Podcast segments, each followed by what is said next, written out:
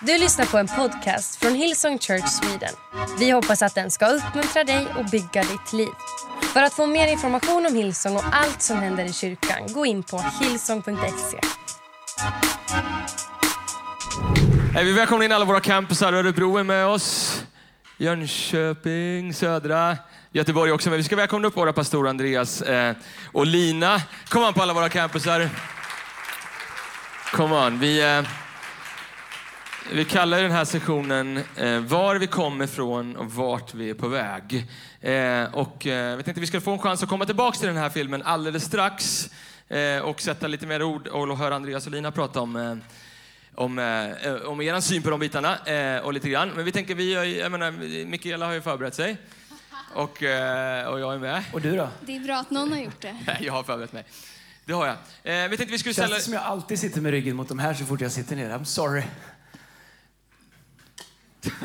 ja, det är bra. Det är inte bra, men vi gör vad vi kan för att de ska se det. De har små kolla TV på för att skärmen. de ser Ja, det. det- Den ser det. Yes. Bäst, ni får bästa sidan. Okej, så vi börjar med fem snabba. Tänk inte så mycket. First thing that comes to mind så får vi ut liksom vad vi egentligen känner. Vi börjar med favoritcampus. First thing. Nä, nästa vi startar. Nästa vi startar. Ja. Easy. Favoritlovsång. Du vill Erik att vi ska säga någon som han har skrivit, men det är Det kan vara någon som... eh, favoritlovsång. Uh, vet inte. No, ah, Alltså typ och prisa, tycker jag. Och prisa Gud. Och prisa högt. Herrens namn. Varför? För att den handlar om Gud. Mm. Den handlar om att han är stor. Det handlar om att vad Jesus har gjort för oss. Det är liksom hela poängen med Men den har inte du skrivit. Men jag gillar också Unto God who is able to do exceedingly. alla låtar som har tro. Och alla låtar som kommer till, till refrängen ganska snabbt. Don't bore us. Som vi säger, don't bore us, get to the chorus. Per. Ja. Men, det- men det är väldigt bra. Jag vill ju också höra, eh, eh, bara gå tillbaka där, favoritcampus. Alltså nästa campus, Var är- vart är det någonstans då? Eh, nästa campus, den, eh, den finns just nu bara i anden. Vi väntar på nedladdning. Det är som ett gammalt så här, modem man hade på 90-talet när man ska kolla sporten på Aftonbladet. Det, så, det går lite, men den är på gång. Okej, eh, Lina, en sak som du eh, stör dig på med Andreas. Va? Men det är- Människor har kommit för att höra Guds ord här, det är inte sånt här. Du får bara välja Nej, en. men vi är ju- Han sa en sak. Vi är ju väldigt olika.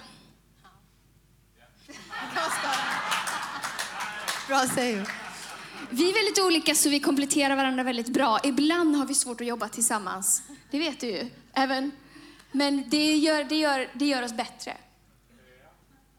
Andreas, en sak du älskar med Lina. Måste, får jag bara välja en? Alltså, hur lång tid har vi? Ah, nej, men jag...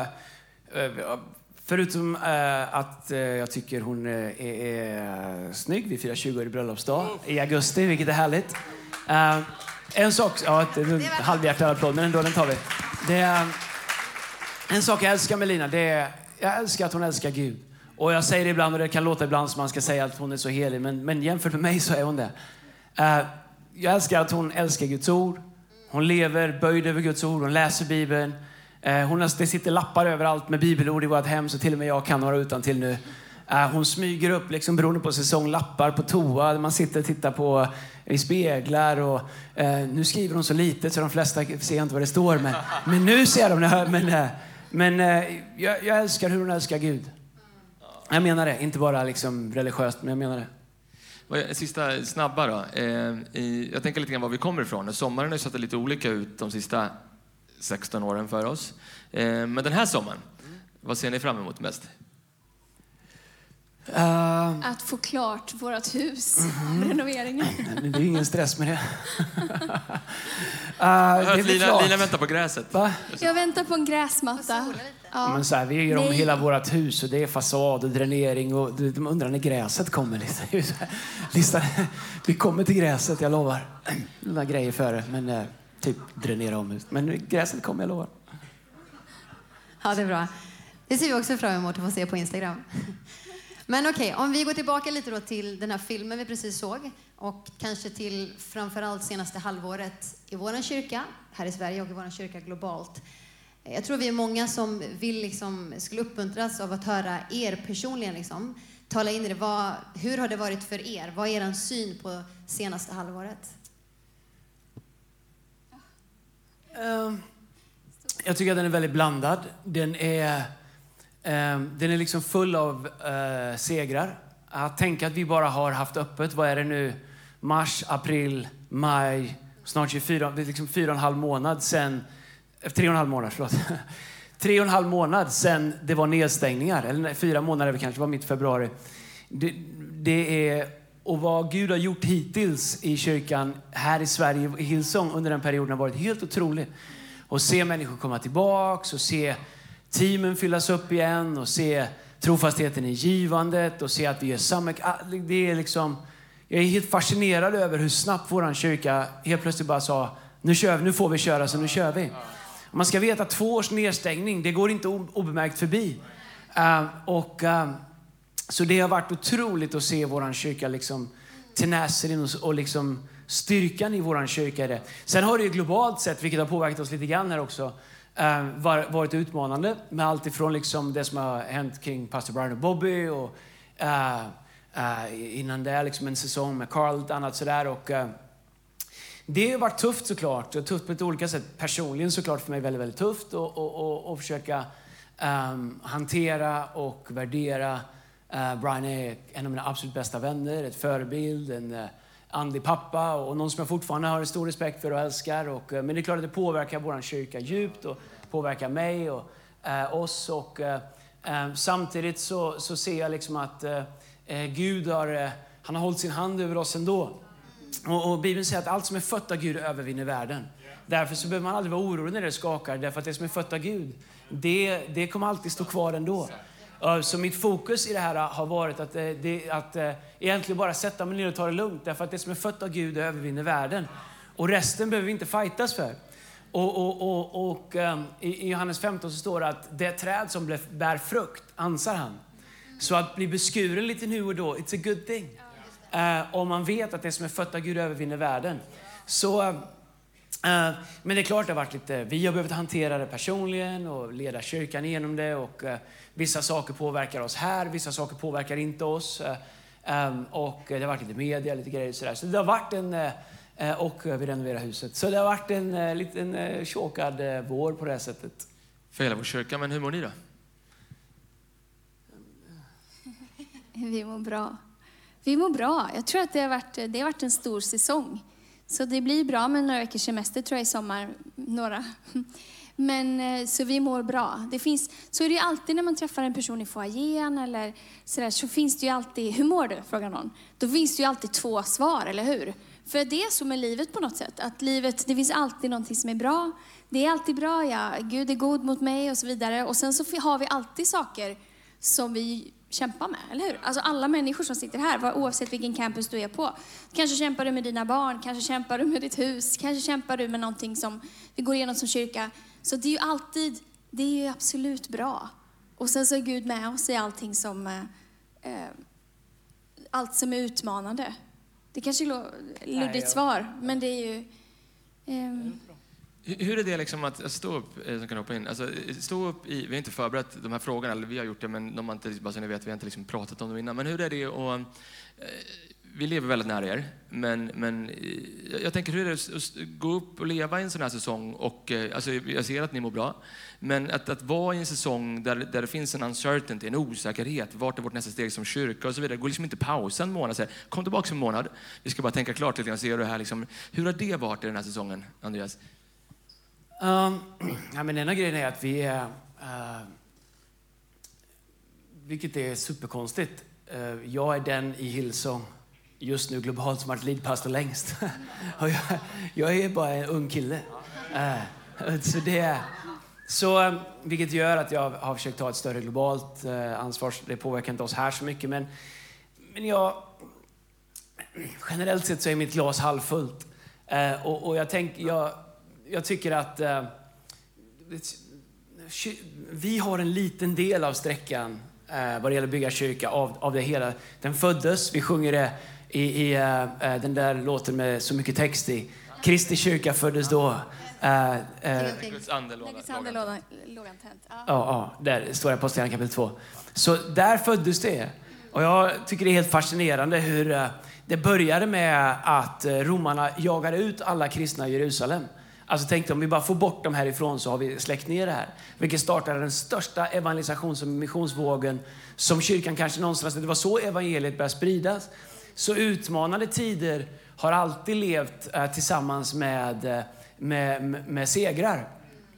Så mitt perspektiv har varit, eh, det enda jag kan göra, det är att vara eh, så full av tro jag kan, så ärlig jag kan, eh, säga det jag vet är sant eh, och, och veta att det här är Guds hus. Jag förvaltar det som leadpastor här, jag och Lina tillsammans, under en kort sträcka. Det kommer komma folk efter mig, här och efter oss. Och, och, och, eh, men över liksom big picture, ännu längre tid, den stora kyrkan. Så eh, fienden har alltid försökt slå sönder kyrkan. Ända sedan de jagade ut lärjungarna i Jerusalem.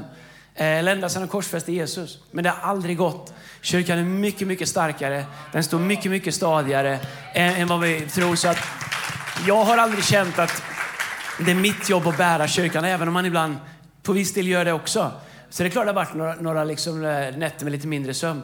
Men det är inte jag som bär kyrkan, utan kyrkan är Kristi kropp och, och Kristus är, är, huvudet för församlingen. Han bär den och vi kan vara med och bli använda och guida i den och, och, och ge vishet till den. Men, men det här är hans hus och det är hans folk eh, och han är fantastisk på ledare. Otroligt. Det är ju, jag tänker på det du säger med att ni har varit livpastorer längst, i 16 år snart. Ju. Det är ju faktiskt helt otroligt. Och jag tycker att det, det utmärker er väldigt mycket. Den uthålligheten och att, fort, att fortsätta tacka ja till Guds kallelse varenda dag, hela tiden. Inte omförhandla det. Så två frågor. Hur har ni, hur har ni hållit era hjärtan varma? Både genom 16 åren och kanske framförallt genom senaste halvåret och två åren. Så dels hur har ni hållit era hjärtan varma? Och vad skulle ni vilja säga till någon som sitter där eller är med och lyssnar som kanske känner att jag har inte gjort det, jag har, jag har tappat min övertygelse? För det första 16 år, vi är ju bara bebisar.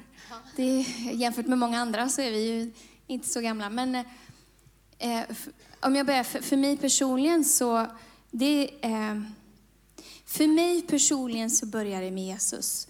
Och det är inte bara det rätta svaret, liksom. men jag har bestämt mig för att när jag kommer, att jag själv har valt att plantera mig i kyrkan. För jag behöver kyrkan. Jag behöver komma till söndagarna. Jag behöver få, strunt i vad jag jobbar med, jag behöver få stå i lovsången. Jag brukar stå där borta. Jag behöver få möta Jesus. Jag bestämmer mig för att alltid fortsätta vara passionerad, fortsätta söka honom, fortsätta liksom, det börjar i mitt hjärta. Det för allt det andra, det utgår från det. Det vet Ordspråksboken 4.23 att vad som, allt som ska bevaras ska du bevara ditt hjärta. För därifrån utgår livet. Så för mig är det så enkelt. Och det är kanske därför Andreas säger att jag är liksom en bibelfreak. Det är för att annars så skulle jag inte, det skulle inte funka annars. Jag måste fortsätta mata mig och jag fattar inte hur folk, hur man kan leva ett kristet liv och inte fortsätta mata sig själv med det. Att, att att liksom börja distansera sig, för det är så svårt. Det går inte annars. Och, ja, jag ska inte, du får fortsätta svara. Men det är, det, det, det är mitt personliga. Jag tror att uh, man, måste, man måste lära sig att leda sig själv genom olika säsonger. Uh, jag tror att livet är fullt av olika säsonger och i växlingarna mellan de säsongerna så har man alltid minst två vägar man kan gå. Uh, och jag tror att det är viktigt att alltid försöka välja rätt väg Eh, i de här växlingarna. Och det finns opportunity, jag menar under 16 år, det finns människor som jag älskar som inte är kvar i vår kyrka.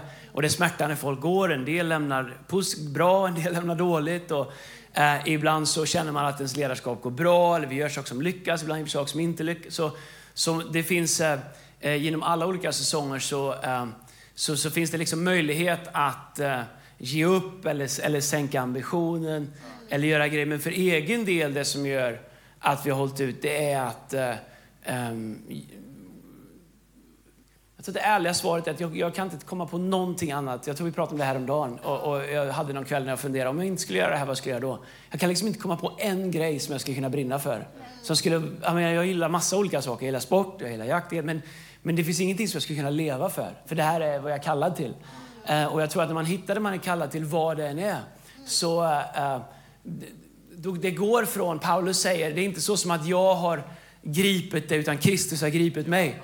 Jag kan ärligt talat säga för egen del, um, jag vet inte om jag var första valet eller inte. Jag tror Reina Bonke sa att han hade bett någon gång och frågat Gud varför valde du mig? Och Gud sa det var många före dig men det var ingen som sa ja. Och det, så kan man ju tänka att det är. Uh, men, uh, men jag tror att uh, för min egen del känner jag att, att, att när Paulus skriver det att, att Kristus har gripit mig. Jag, så jag känner så att uh, Kristus har, han har gripit mig, han har fångat mig och det här är liksom mitt liv och min kallelse. Det kanske finns de som är bättre på det eller sämre på det men det här är, det här är mitt liv. Eh, och det är det jag det är inte jag som håller det, utan det är det som håller mig. Men, men på tal om det här, liksom, det är kanske lite grann det din andra fråga var, där, men om man tittar på de sista två åren, tycker ni, om man pratar generella termer, att liksom människor har förändrats under pandemin och människors prioriteringar jämfört med hur det var innan? Ja, men det tycker jag nog. Um, både positivt och negativt. Jag tror att eh, vissa saker har varit positivt. Jag tror att alla har utvärderat saker som vi bara gjorde i vårt ekorrhjul tidigare, som vi inte kunde göra längre, som vi alla tänker att det där ska aldrig börja med igen. Vare sig det är privat eller kyrka eller vad det är. Så jag tror att det finns en hel del positiva saker. Men jag tycker också att eh, jag, tror, jag tror att det kommer att ta tid innan vi ser hur det har påverkat mänskligheten. Att liksom hela världen mer eller mindre är nedstängd i två år, det måste sätta sina spår. Jag tycker att det påverkar kyrkan. Jag tycker att det påverkar kyrkan big picture i Sverige och, och globalt. Och jag tycker att det påverkar vår kyrka. Jag tycker ändå att jag är väldigt tacksam över hur vår kyrka har responderat till det. Men jag kan också se, och det finns ingen skam i det, utan det, jag tror att det är naturligt. Liksom, för man har haft två år när söndagar har varit som en extra lördag. Och man, vi har kommit på liksom att det är långhelg varje helg. Liksom. Eh, och, eh och att det blir ett nytt normalt. Medan jag tror att eh, något som är normalt, det är att tjäna, Herren, eh, tjäna Gud. Det är att vara med i team, kanske inte varje söndag, men det är att vara med och bygga Herrens hus. Hela Bibeln är fullt av det, att en del av kristendomen det är att vara med och bygga Herrens hus. Eh, och, och, och eh, för er som kanske var det innan och inte är det nu, finns ingen, jag vet, tänker inte på någon och det finns ingen skam och det kan se annorlunda ut, men en del av det kristna livet är att vara med att göra missionsbefallningen i våra vardagar där Gud har satt oss, men också i det som är Herrens hus. Det finns så mycket i Bibeln som är kopplat till att bygga Herrens hus. Och när vi säger Herrens hus så tänker vi inte bara, bara på liksom målarfärg och, och tegelstenar, utan det faktum att när någon kommer in i foajén här för första gången så kan man komma in i en tom foajé, en avslagen foajé, eller du kan möta Guds kärlek från människor som har kommit hit med bara syftet av att se till att våran foajé är varm. De förstår att jag har ett uppdrag den här söndagen. Jag, inte, jag går inte och lyssnar, jag går och är. Eh, och jag tror att där har vi lite, där har vi lite resa tillbaka. Så jag tror att för många av oss är det en resa att hitta tillbaka till det. Och kanske vänta, eh, det här med att leva med lite mer sacrifice än vi har gjort de sista två åren. Det är ett bra liv. Framförallt tror jag att det är ett liv som Gud välsignar. Och ibland så är det så att frukten vi ser kanske inte är ens i våra liv. Utan det är en del av kristendomen att mina uppoffringar blir någon annans frukt. Det blir någon annans välsignelse, det blir någon annans rikedom.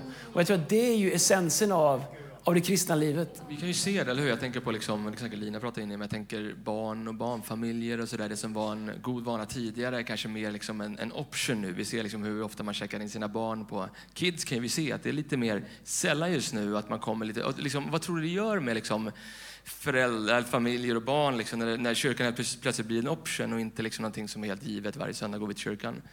Men alltså vi, under pandemin, hur många ord, gånger vi har sagt det ordet, så blev vi matade av att vi bara att vi skulle fokusera på oss själva. Det var ju det liksom så här, håll dig för dig själv, tänk på dig själv, tänk på dina närmaste. Och det är ju svårt att, att, att bryta det. Och jag tror att det är tvärt emot, eh, hur Gud har tänkt att vi ska leva. Gud har tänkt att vi ska vara en del av någonting som är större, för att det välsignar oss. Eh, och vi tänker på de barnen som kanske två år av våra liv, kanske inte så länge, men två år av en femårings liv, eller en sjuårings liv, eller en tioårings liv, eller en trettonårings liv, det är länge. Uh, och vi, vi, det är inte bara någonting vi säger, men Ordspråksboken 22, vän den unge vid den vägen ska vandra, så kommer han inte vika av ifrån den när han blir gammal. Eller den som är planterad i Guds hus, psalm 92, ska alltid blomstra. Jag är övertygad om det. Och det, det, det, det blir lite tokigt eh, när man väljer andra val, jag förstår det, man liksom har vant sig vid kalas och allt möjligt och det är smidigt, men, men det man gör är att man berövar barnen från en, från en uppväxt där de får vara planterade i Guds hus. Och jag vet vad det har betytt för mig eh, som barn, att få regelbundet få ja, vara planterad i Guds hus. Och jag tror att det finns andra aspekter av det också. Eh, kompisar, miljöer, Eh, och jag tror ju äldre barnen blir, ju viktigare blir miljö. Och jag tror att, eh, ja, det är ju klart man ska ha semester i sommar, men det är klart, är man borta från Guds hus åtta veckor så kanske inte konst om barnen tycker att det är ett stort steg att gå tillbaka till kids vecka nio. Därför tror jag att det är superviktigt att eh, förstå värdet av att kontinuerligt komma till kyrkan. Kontinuerligt. Jag tror ingen av oss som är föräldrar känner att vi lyckas fullt ut med våra barn, inte vi i alla fall. Utan man behöver mycket nåd och mycket Guds hjälp och det är kantboll in många gånger och nätrullar in och ut. Men men, men, men jag tror att, eh, ehm, att kontinuerligt bygga, bygga in kyrkan i, i alla våra liv, inte bara barn, men, men i barns liv, det är super, superviktigt. Jag hade en period i min tonår, eller ganska lång, när jag inte gick i kyrkan och när jag gjorde andra saker. Men allt jag hade fått med mig som barn var som ett ankare som liksom gjorde att det gick liksom inte drifta hur långt som helst. Och till och med nu när jag, fort, när jag förbereder predikningar och grejer så poppar upp saker och ting från söndagsskolan som, som stoppades in där. Och det har påverkat mina livsval så otroligt mycket mer än vad jag förstår. Därför är värdet av att ta våra barn till kids och den uppoffring och den sacrifice och åka hem lite tidigare från semestern eller åka, gå upp på morgonen och åka hem från släktkalas på lördagen bara för att ta med familjen till Guds hus. Gör man det över tid så lovar jag att det kommer bära en frukt i livet. Jättebra. Ja, det är värt en applåd faktiskt. All right, men om vi, om vi riktar blickarna lite framåt då, då. Var är vi nu och vad drömmer ni om att se för vår kyrka? Nu är vi här. Vi är några. Um, nej, men framöver, jag, jag, jag tror att uh, vi kallar den här sommaren en sommar med Jesus. Uh, och, och uh, på engelska har vi också något som vi kallar för Summer of Souls. Uh, och vad det är, det kan låta luddigt, men min dröm det är att människor som är här, alla vi, vilken campus du än är på, att det här skulle bli en sommar med Jesus. För var och en av oss. Att vi skulle växa närmare i vår relation med Jesus. Att vi kanske skulle hitta nya vanor, att vi skulle starta en bibelläsningsplan, att vi skulle hitta tio minuter varje dag när vi går undan. Eh, du får gå ut och gå om du bor i en liksom, eh, husvagn eller liksom ni, ni, ni tältar ihop eller vad ni gör liksom, där det inte finns privacy. Men att det får bli en sommar med Jesus. Det är min absoluta bön att alla skulle komma tillbaks i höst med en förnyad kärlek till och en förnyad passion till och en förnyad relation till Jesus. För det är det som är det viktiga. Allt vi gör är bara till för att catera till det eller för att hjälpa till till det. Men vår relation med Jesus, det är det viktiga. Och det är min önskan och min bön för alla att det här skulle bli en sommar med Jesus. Vi pratade om det för ett tag sedan och skrev ner två meningar så vi ser om jag kommer ihåg dem. Men vi som team, och vi, vi ber om det för oss som kyrka också, att vi har bestämt oss att den här, kyrkan ska, eller den här sommaren ska få vara en sommar när vi får möta Jesus och leda andra människor till honom. Och att vi får fortsätta växa i våran tro, fortsätta öppna upp våra liv och fortsätta bygga kyrkan som en stad på ett berg. Det är det vi alltid har gjort och det är det vi vill fortsätta göra framöver också. Och man kan se den hunger som finns. Vi har haft förbön här nu i några månader och den hunger som finns att få möta Gud och få fatta nya beslut och få liksom bli berörd av anden igen. Den gör någonting med oss som kyrka, det gör någonting med oss som människor. Så jag vill verkligen uppmuntra på alla våra campusar att fortsätta med det. Och jag vill uppmuntra oss i kyrkan att få förbön. Det är inte bara när livet krisar. Eller det är inte bara när du är jättesjuk. Att få förbön det är en naturlig del av en kristens liv. Bibeln säger att vi ska lägga heliga händer eh, på varandra och be. Så, så be och be för varandra i era connect-grupper. Eh, liksom, sitt inte bara i en ring, det kan ni göra också, liksom, och, och, och sucka som han sa förr. Eh, det låter deppigt, men, eh, men be för varandra. Säg nu ber vi för dig. Vad behöver du? Och så lägger vi händerna och så tror vi att det sker någonting när vi lägger händerna på. Och du behöver inte kunna be fina böner eller förstå allting. Men när vi gör vad Bibeln säger så möter Gud med kraft eh, på det sätt han har lovat. Fantastiskt. Hej, jag vet att vi ska fortsätta prata om lite andra spännande saker. Som vi ska, men jag tror jag talar för hela vår kyrka. Eh, jag vänder mig till alla våra campusar. Eh, hur stolta vi är över dig, eh, er två, Andreas och Lina. Och den resan vi har gjort som kyrka, inte bara de här liksom sista halvåret, utan, utan 16 år. Ledare och pastorer som är mänskliga, men som också är andefyllda och smorda just för en tid som denna. Jag vet att jag vill utmana alla våra campus att fortsätta den här sommaren och be för våra pastorer, för att Bibeln säger det, för att de behöver det, men för att vi också tror att bön gör skillnad. Så eh, eh, från, från djupet av våra hjärtan och hela vår kyrka, tack för att de, ni är de ni är. Att ni är transparenta i ert ledarskap och eh, ni har en hel kyrka som står bakom er och ber för er, eller hur? I Jesu namn. Ja, Church, hoppas ni... Eh, det är okej okay att vi kör Heart and Soul på en söndag. Eh, jag vill dela ett ord eh, som jag tror är ett ord till vår kyrka inför framtiden. Eh, jag vet att du har koll på klockan. Vi kommer alldeles strax vara klara. Eh, Thank you. Hade man fått en keyboard också så... Uh, Erik, kan du, vet du hur keyboarden funkar eller? Come on. Där kommer han. Han dyker upp. Lyssna, uh, jag ska bara några minuter dela ett bibelord. Uh, som jag tror är ett ord till vår kyrka. Uh, och ett ord till oss, ett ord till mig. Uh, Uppenbarelseboken kapitel 3 är ett väldigt intressant, intressant kapitel.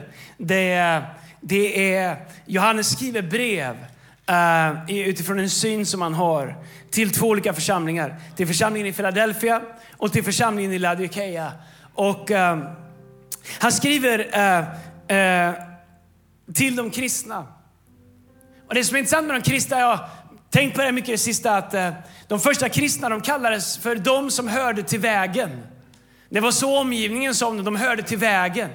Vilket indikerar att man var på väg någonstans. Det var liksom inte de som satt, de kristna var inte de som satt där, utan det var en brokig skara, men de förenades i sin tro på Gud, tro på hans son och att de faktiskt hade ett uppdrag som gjorde att de var på väg någonstans. Jesus sa, jag är vägen, sanningen och livet. Ingen kommer till Fadern ut genom mig. Och så kallades de första lärjungarna för de som hörde till vägen. Tycker att det är rätt vackert, eller hur? De som hör till vägen. Så skriver det, uh, så står det två bibelställen så här i eh, Uppenbarelseboken. Först skriver han i, i, i eh, kapitel 3, vers 15, ett ganska skarpt. Uh, och har du vuxit upp i kyrkan så har du blivit skrämd av det här många gånger, men var inte orolig, jag ska inte gå dit idag. Men då skriver han lär ju säga uh, så här. Uh, så säger han som är Amen, det trovärdiga sanna vittnet ursprunget till Guds skapelse. Jag känner dina gärningar. Du är varken kall eller varm. Jag önskar att du vore det ena eller det andra. Och, och om du liksom bara slutar att få tänka på var du är just nu eller vad, vad, du tror att jag tycker att du är. Jag tycker ingenting. Och det finns ingen dom överhuvudtaget i det här. Men det som är intressant är att han säger, jag känner dina gärningar. Och jag inser att kristendomen är fullt ut av nåd. Och vi är rättfärdiggjorda genom tron på Kristus Jesus. Men ett liv som tillhör vägen, ett liv i gemenskap med dem på vägen är ett liv där vi faktiskt gör någonting. Det är ett liv där min tro får konsekvenser. Och, äh, i, i, I Jakobs brev så, så skriver han att visa mig er tro utan gärningar så ska jag med mina gärningar visa er min tro. Alltså visa mig ert liv utan gärningar så ska jag med mina gärningar visa vad, vad min tro betyder för mig. Så det finns en del av vår tro där vi faktiskt kan titta på våra gärningar och säga, bara, vad är mitt liv? Och mitt liv och det jag är involverad i, det jag ger mig till och det jag gör, det visar min tro. Det visar min relation till Gud. Det är en av de indikatorerna som gör det. Hon säger men eftersom du, varken, eftersom, du varken, eh, eftersom du är ljum och varken kall eller varm så ska jag spy ut ur min mun. Du säger jag är rik. Jag har blivit förmögen och jag har inte behov av någonting mer. Du inser inte att du är eländig och bedrövlig och fattig och blind och naken. Därför vill jag ge dig rådet att köpa guld av mig som har renats i eld så att du blir rik. Och vita kläder så att du kan dölja din skamliga nakenhet och salva så att du kan smörja dina ögon och se. Jag tillrättavisar och fostrar alla som jag älskar. Skynda dig därför och vänd om. Jag inser när jag läser det vad som är viktigt för våran kyrka. Framgång är inte viktigt för vår kyrka. Välsignelse är viktigt för vår kyrka. Och i våra liv så är vi aldrig kallade till att jaga framgång. Vi är kallade till att leva välsignade liv. Och vi måste alltid i våra liv, i vår kyrka, i det vi har och i våra liv se till att vi inte, att vi inte byter ut och nöjer oss med framgång istället för välsignelse. Han skriver att du säger att du är rik, du säger att du inte har behov av någonting, du säger att det går bra för dig, det ser bra ut för dig. men är du säker på att det är välsignelse och inte framgång? Och säger han, du borde be Gud smörja dina ögon så att du kan se hur det verkligen är. Därför att Guds ambition är alltid att föra oss in i välsignelse. Kanske har vi ibland som kyrka gått på myten om oss själva och tänkt att framgång är samma sak som välsignelse. När Bibeln har sagt att verket ska ha framgång. Men vet du, trofasthet är mycket bättre än framgång. Därför att trofasthet kommer alltid leda till vad Gud har sagt. Bibeln säger, jag har inte sagt att ni ska få se mitt rike om ni inte ger upp. Vi bygger en kyrka long term. Där välsignelse och trofasthet slår framgång alla dagar i veckan. Och jag vet att lite nu och då blir andra epitet påklistrade, ursäkta om jag är ärlig, blir påklistrade oss och mig och våran typ av kyrka. Men lyssna, när jag ser på våran kyrka så ser jag en kyrka som är trofast. När jag ser vår kyrka ser jag en grupp människor som vill leva i Guds välsignelse. Vilket innebär att vi lever för någonting mer än oss själva. Vi nöjer oss inte bara med framgång, inte privat och inte tillsammans som kyrka. Utan vi väljer trofasthet och vi väljer välsignelse. Några versar innan i vers 7 så skriver han till församlingen i Philadelphia som en av de sju församlingarna. Så står det så här, vers 7, skriv till budbäraren för församlingen i Philadelphia. Så säger han som är helig och sann och har Davids nyckel. Han som öppnar så att ingen kan stänga. Vet du han fortfarande finns? Han som öppnar så att ingen kan stänga. Jag tyckte jag hörde ett amen. Han som öppnar så att ingen kan stänga. Inte för dig, inte för din familj, inte för våran kyrka, inte för det Gud har lagt över ditt liv, inte för Gud har lagt, det mandat Gud har lagt över våran kyrka. Du förstår, det Gud har kallat oss till, det är inte beroende av vilken tidsålder vi lever i. Det är bara beroende på om Gud har öppnat dörren eller inte. För om Gud har öppnat dörren, då kan ingen stänga den. Det bryr sig inte om om vi har utmaningar på utsidan eller insidan. Det enda som spelar roll är, har Gud öppnat dörren, då går den inte att stänga. För han säger, han som öppnar så att ingen kan stänga och stänger är det så att ingen har öppnat. My God, jag har sparkat på stängda dörrar och bett Gud öppna dem och upptäckt att det är bra att Gud inte öppnar stängda dörrar. Så säger han så här, jag känner dina gärningar. Se, nu har jag öppnat en dörr för dig som ingen kan stänga. Och så älskar jag hur det står här. Och det här tycker jag sammanfattat vår kyrka så mycket den här våren.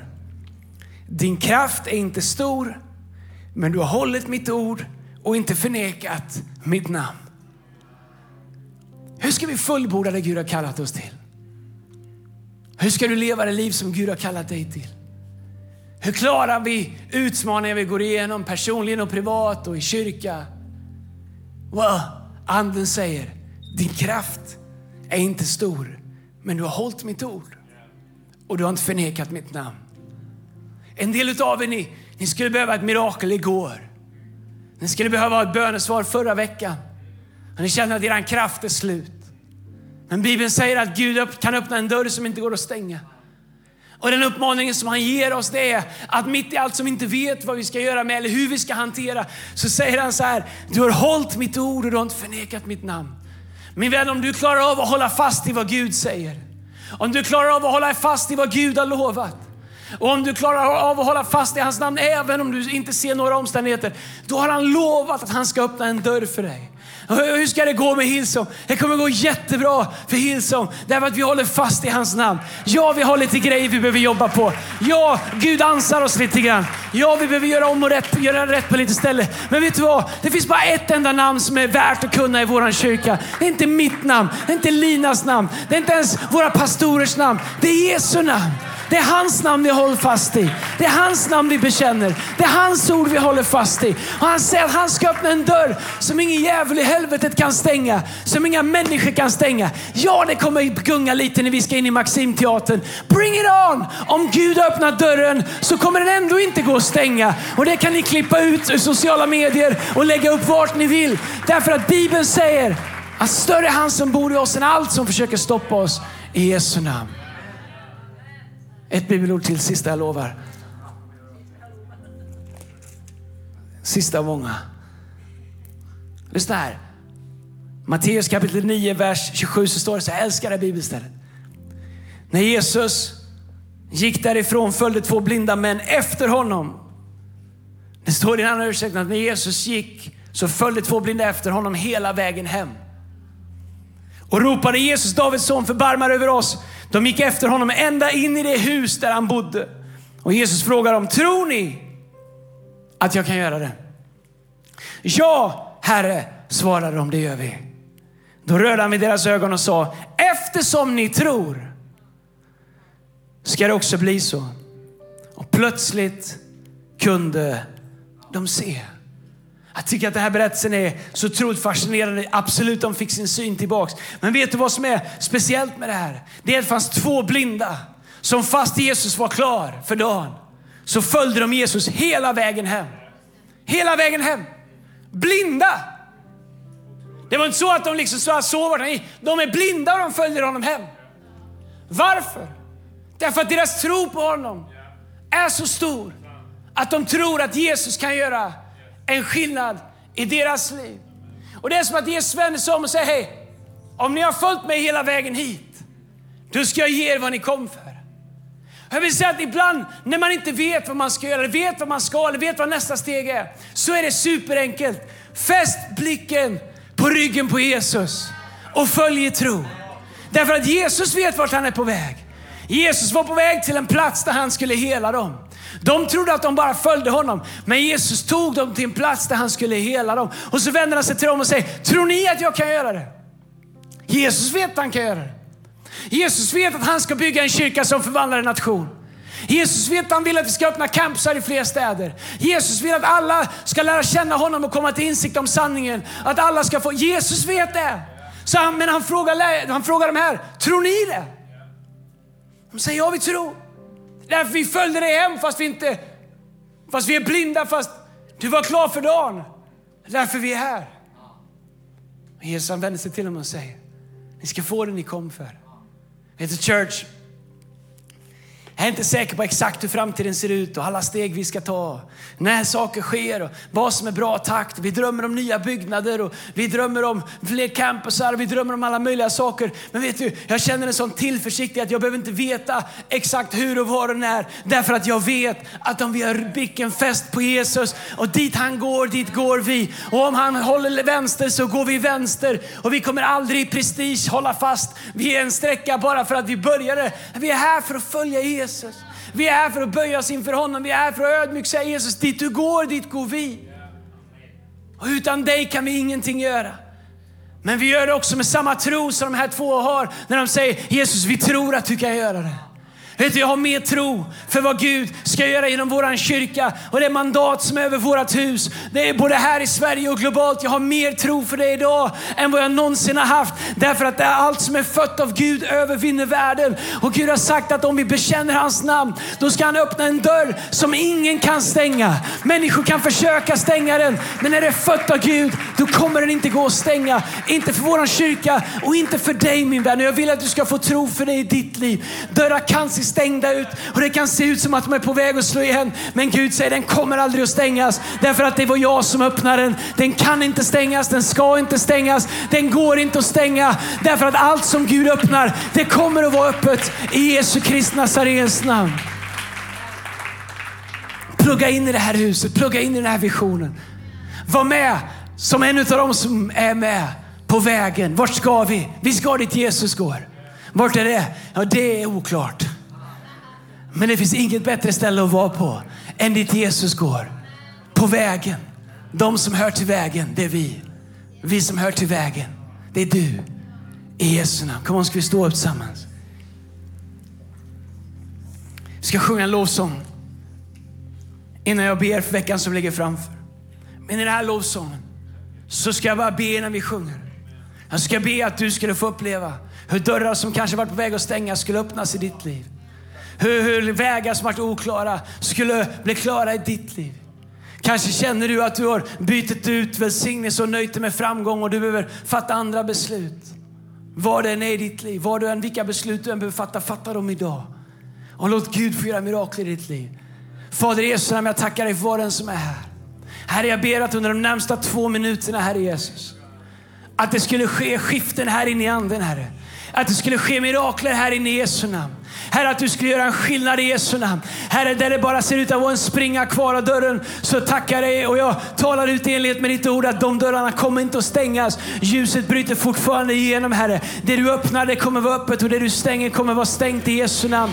Jag prisar dig för det, Herre. Herre, även där kraften verkar vara ringa, Herre, så kommer vi se ditt löfte gå i fullbordan om vi håller fast i ditt ord och om vi bekänner ditt namn, Herre. Herre, det är inte genom någon människas styrka eller kraft, utan det är genom din ande, Herre. Herre. Och dit du går, dit går vi Herre. Hjälp oss att leva böjda under ditt ord, böjda under ditt namn. Fria från stolthet och prestige Herre Jesus. Herre, det enda vi vill göra det är att borra våra ögon i nacken på dig Herre. Dit du går, där går vi. Därför att vi tror att där du är, där är allting möjligt. För våran kyrka, för våra familjer, för våra karriärer, för våra barn, för våra vardagar, för våran hälsa, för varje campus i Jesu namn och för vårt land och för våran kyrka i Jesu namn. Kom och låt oss sjunga i tro i Jesu namn. Och när vi gör det, ha ditt ögonblick med Gud.